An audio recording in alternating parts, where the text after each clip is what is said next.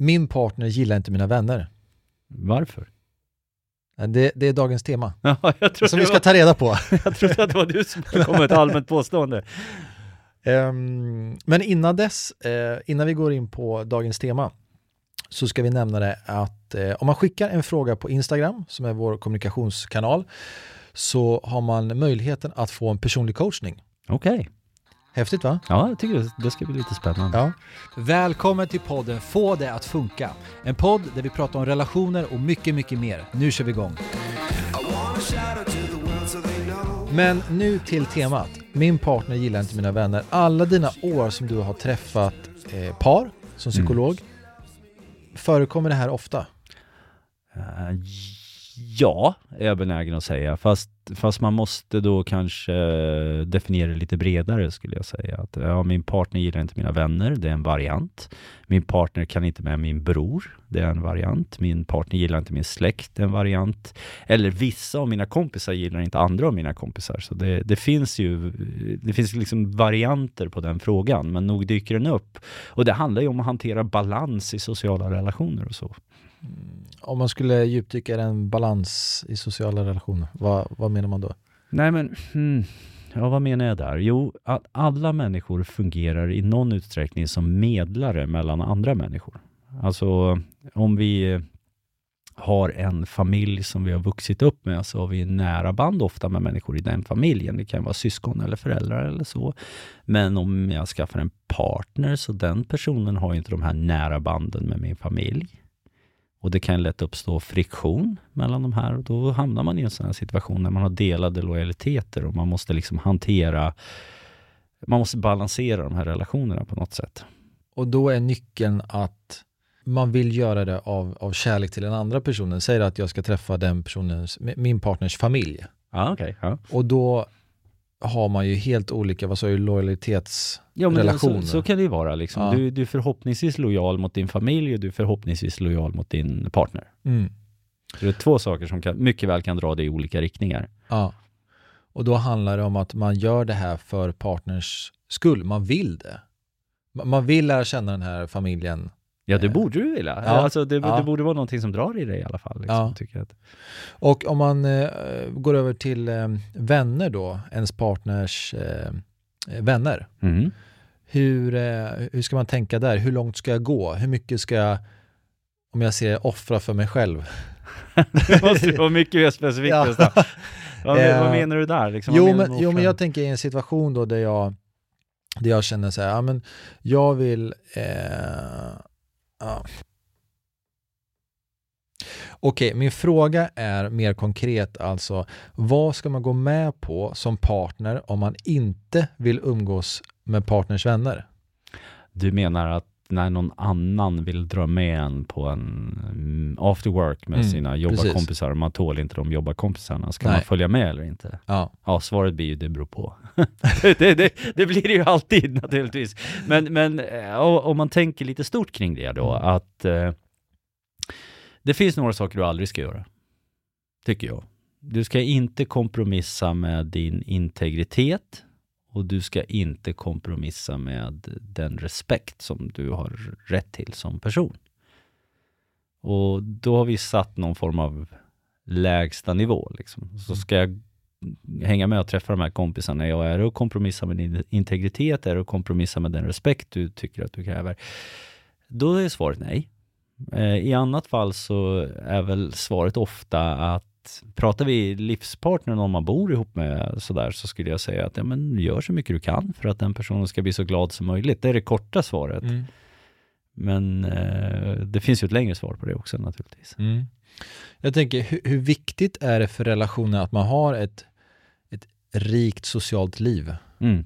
Men det där, är, det där är en sån fråga som jag hamnade i en debatt Mm. om igår. Ja, jag, tyckte det var otroligt, nej, men det, Ja. jag tycker det är otroligt spännande. Liksom. Det, det är någon så här, ja men eh, ska man ha en, måste man sitta ihop med varandra, säger Mm. den ena. Måste vi sitta tillsammans och alltid göra allting tillsammans? Så ja, sitter jag och tänker att nej, det måste man väl inte. Och säger den andra, säger den andra men, men vad då tycker vi inte om att umgås? Mm. Alltså för det är ju motsatt, du vill väl vara med mig? Och då kan man säga att jag har stött på relationer, eh, framgångsrika relationer och bara för att göra så, det jag menar med framgångsrikt är att man vill vara tillsammans och är rimligt lyckliga med varandra. Mm. Så. Men jag har ju träffat på framgångsrika relationer där man löste så att man, man, man ser mer eller mindre en relation som en union där man gör allting tillsammans. Man delar alla upplevelser, man handlar tillsammans, man lagar mat tillsammans, man pratar om och, och man vill vara tillsammans, sitter liksom lite klistrat på varandra det finns en sån det finns sådana relationer. Jag brukar skämta om mina föräldrar, de är så här roliga, för ser du en av mina föräldrar, då vet du att den andra är inom fem meter, garanterat. Ja. Ja, så, så ser du en stå vid ett hus, om du inte ser den andra så vet du att den andra är bakom huset, för att Okej. de, är, de är och de har en sån relation och verkar vara rimligt glada i det då. Ja. Eh, Men andra människor har ju relationer som är mer som landningsplattor. Mm. Man flyger ut på sitt äventyr och så gör man en massa saker. Så åker man tillbaka till basen, landar, tankar, fyller på lite Mm. energi och så startar man och så flyger man ut igen. Och, och jag har sett människor som är jättelyckliga med den typen av relation. Och då är frågan varför? Liksom, var- Varför kan det ena funka, varför kan det andra funka? Och jag tror att nyckeln är att man är överens. Alltså om båda vill ha en relation där man är väldigt tajta, Mm. då kommer båda bli glada om de har en relation där man är tajta. Men om båda vill ha en relation som funkar som en landningsplatta, då kommer man bli rimligt lycklig med det. Så svaret kan vara både och. Liksom. Men, men se till att vara överens. Det skulle jag säga. Just det. Och hur fungerar det om man är det här med introvert och extrovert? Oh. Använder ja. du de begreppen eller är det... Nej, men det är en personlighets... Det är en personlighetsskala. Ja. Och, och bara om man inte har hört talas om det här då, Ja. att, att det är en skala, det är en av de här big five. Det är de fem stora The personlighets... Big Five, det är de här konsultbyråerna eller? Alltså, PVC, ja, det, jag kommer att tänka på att det kanske är så här elefant, giraff och vad det nu är man jagar i Afrika. man kan nog översätta Okej. till allt möjligt. Det jag menar med Big Five, det är att det finns fem huvudsakliga personlighetsskalor som man använder för att bedöma människor på. Ja. Sen, sen finns det varianter på det här och en av dem är en skala som heter introvert kontra extrovert. Mm. Där extroverta människor är, de är sociala, de tycker om att träffa folk, umgås med människor, de blir glada av det, de vill vara i närheten av folk, de eh, uttrycker sig ofta väldigt tydligt, de berättar vad de känner, tycker och tänker, de håller liksom inte saker inom sig på det sättet. Medan någon som är introvert lever mer i sitt huvud, liksom. de Mm. tänker mer än de pratar, de är ofta bekväma med att vara själva och ensamma och så. Och då tror man ofta felaktigt att det här har med kompetens att göra. Att extroverta människor är kompetenta, de är socialt kompetenta, de är duktiga i sociala sammanhang, medan introverta människor inte är det. Mm. Så är det inte. Det finns väldigt gott om introverta människor som är jätteduktiga i sociala sammanhang. Och det finns gott om extroverta människor som inte är duktiga Mm. i sociala sammanhang. Skillnaden mellan de här två, i alla fall i min erfarenhet, är mera baserat på energi. Där extroverta människor får energi av att umgås med andra människor och blir trötta av att vara själva. Medan introverta människor, de blir, de, de blir trötta av att umgås med andra människor. De kan mycket väl uppskatta det och tycka om det, men de blir slitna av det. Så de måste liksom vara för, i fred och få ladda upp. Och de laddar energi när de är själva. Just det. Vad menar du med duktig socialt? För det tycker jag är intressant. Ja, nej men vissa människor har en hög, de har en hög social kompetens. Liksom. De vet vad som är lämpligt att säga och göra i sociala sammanhang. De är duktiga på att snabbt förstå vad som händer i ett rum och läsa av rummet och agera därefter. Liksom så. så vissa människor är helt enkelt, de är duktiga på det här. De har en hög skillset. Andra människor har en låg skillset. De hänger inte med på vad som händer och de säger fel saker i fel tillfälle. Det så. tycker jag man har märkt ibland. Ja, men man det kan vara det- extroverta människor som har så dålig social känsla så man bara kände så här, "Ja, var, fick du luft ifrån? Ja men det, det, är, så, här, det är den sämsta kombi- kombinationen Ja, med någon som är väldigt mycket. driven socialt men inte förstår att de är dåliga på det. I så fall är det mycket bättre att vara introvert och vara dålig på det. För Ja. Det liksom... Ja, jag ser en sån person framför, jag träffade en sån i helgen faktiskt som var, man bara känner, du bara håller låda för dig själv. Men ja, Ja, men det, är så här, Det- det lätt sänder väldigt mycket men man har ingen Ja. känsla för hur det landar. och man vill heller inte skratta, för den här personen, det var en, jag har inte träffat honom innan, jo Nej. en gång innan. Eh, och jag visste att han var lite så crazy, men för man man vill inte skratta för att skämma ut personen heller. Nej, för man vet nej. inte om den kan vara ironisk, eller liksom med självdistans. Ja. Ehm, ja, okej, ja men jag förstår. Nej men precis, eh, socialt skillset som du sa. Ja, ja, ja. Introvert, extrovert. Känner du till det här HSP, High Sensitive Person? Ja. ja. Kan du inte dra något kort om det? För jag, jag kan själv, jag är ju förmodligen en sån högkänslig person. Mm. Berätta. Hur? Nej men alltså, eh, ja, mina föräldrar separerade, bla bla bla och liksom har behövt ta ansvar eh, mellan mig och min bror och varit väldigt, eh, alltså från, för jag kommer ihåg då var jag tonåring eh, och från då så vet jag att jag ofta tog ansvar socialt i sammanhang och läste av rummen väldigt mycket och så här, eh, alla ska må bra och liksom, ja, tog ansvar på det sättet. Och sen har man hört säga, ja men du är en känslig person eller, och nu senaste, ja, typ förra året hörde jag det här HSP då, Mm. high, sens- high sensitive person. Vad, eh, min fråga är väl, vad är det och hur kan man använda det till en styrka? Okej, det var väldigt, väldigt ospecifikt. Ja. Nej men vad det är... Det här är sidospår. Ja, nej men vad det är, det är ju att hjärnan har en viss kapacitet. Eh, den ser lite olika ut hos olika människor. En del har tur, de har jättehög kapacitet, andra har låg kapacitet. Men i korthet kan du se det som kanaler och du kan använda de kanalerna till olika saker. Eh, Du kan till exempel ha en kanal som tänker på att jag är hungrig, hur ska jag fixa mat? Och du har en annan kanal som går och grubblar över någon misstag du gjorde igår. Och, och på det här sättet kan du allokera de här kanalerna. Och är man highly sensitive person, då allokerar man väldigt mycket av de här kanalerna till att ta in information hela tiden. Så man, Mm. man liksom blir känslig för information. Man suger helt enkelt åt, man kan tänka sig lite som en informationstvättsvamp, där man liksom Ja, det. suger åt sig så mycket information som möjligt runt omkring. Och det, det gör ju att man reagerar också väldigt starkt. Men Kan man stäm, stäng, äh, stänga av det eller? Ja, ja, det kan man ju. Svampen? Eh, Det kan man. Det är, man måste bara fokusera på andra saker. Okej. Du måste koppla om kanalerna helt enkelt från det, till, till andra saker som är mera angelägna eller akuta. Mm. Bra. Men för tillbaka till de som eh, då Eh, du pratar ju om det här som man, man, man sänder väldigt mycket men man har Ja. ingen social kompetens. Ja, Ja men en del, en del svar, eller förklaring till det är att man ägnar väldigt mycket av sin tid, energi och fokus till att tänka på vad man ska säga. ja. Och inte jättemycket tid, energi och fokus för att tänka på hur folk reagerar Nej, precis. Ja, just det.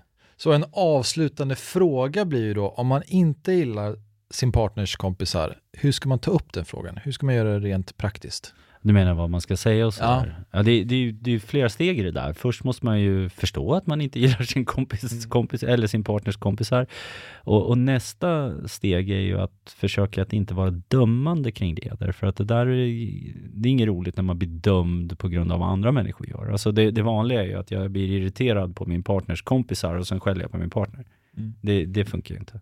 För han eller hon ska ju inte behöva stå för vad kompisarna gör. Mm. Men, men sen är det ju det där att, och det här är ju något som man brukar rekommendera i parterapi, att man kanske ibland ska prova att säga vad man faktiskt tycker och tänker, fast säga det på ett bra sätt. Så man kan ju säga det att, vet du vad? Ehm, Du vet hur mycket jag gillar dig. Mm. Och du vet att jag, det är jätteviktigt för mig att du har det bra. Så jag måste vara rak och säga, jag har ett problem med den och den av dina kompisar. Jag tycker att det är jobbigt när vi hänger, det, det känns inte bra. Mm. Så hur ska vi hantera det då? Där kan man ha en diskussion. Eller man kan säga, eh, vet du vad, jag har tänkt på att jag har ett problem när vi hänger med dina kompisar, det blir så här och så här, jag tycker inte det där känns något bra, men vet du vad som skulle underlätta för mig? Mm. Vad du kan göra för att underlätta för mig? Och så kan man ha en diskussion kring det. Men om den partnern blir väldigt liksom, provocerad då, för det kan ju vara ens, ens bästa vän. Liksom. För det är ju något väldigt nära hos Ja. den personen. Jo, då får man ju använda ett skillset som, eh, alltså det finns ju, det finns ju inga silverkulor i relationer, men det finns saker som nästan alltid funkar och till exempel att vara värderande och säga Kalle är en idiot, liksom. Mm. det funkar sällan. Mm. Det, det är en dålig idé. Därför att det triggar en massa försvarsmekanismer och sådär. Eh, mycket bättre att använda, vi brukar kalla det för jag-budskap inom Mm. eh, parterapi. Det är helt enkelt när man säger hur en annans handlingar påverkar en. Man säger att, vet du vad, när vi umgås med Kalle och Kalle säger så här, då tycker jag att det är jobbigt. Mm. Kan du tänka, mig att hjälpa, kan du tänka dig att hjälpa mig med det? Mm. hamnar man där, då, då tror jag att man är i ett, i i ett rum där man kan ha en diskussion som är rätt bra. Just det.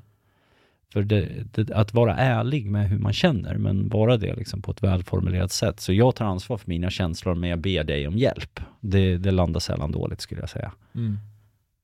Ja, precis. För det, någon annan kan ju aldrig säga hur man själv känner. Om man utgår från det där jag-budskapet. För jag har testat den också. Den är Ja. sjukt eh, effektfull.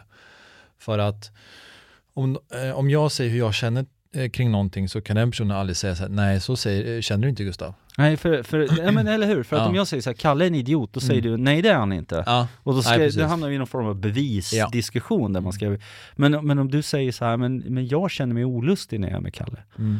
Okej, det kan inte jag bestrida. Nej, det känner du inte alls. Jo, Mm. det känner jag. Alltså, Mm. det, då, då kan man gå vidare till nästa steg i diskussionen. För att jag, jag tror att det där är också en nyckel lite grann, att närma sig det här som ett gemensamt problem som du och jag löser tillsammans. Och, och ett bra sätt att närma sig det här som är jätteunderskattat, det är att i regel när man ber människor om hjälp, så hjälper de en. Om man säger det, vet du vad? Ah, jag vet att vi ska åka hem till din familj nu eh, i helgen här.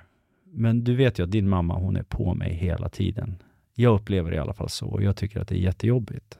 Kan, skulle du vilja hjälpa mig med det? Du hamnar i en helt annan diskussion än, än om du Mm. säger din mamma är jättetaskig. Mm. Nej, det är hon inte. Mm.